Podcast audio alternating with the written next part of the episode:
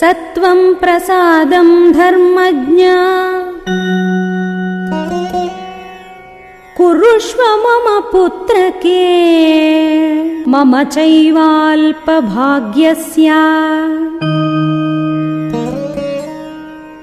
दैवतं हि भवान् गुरुः।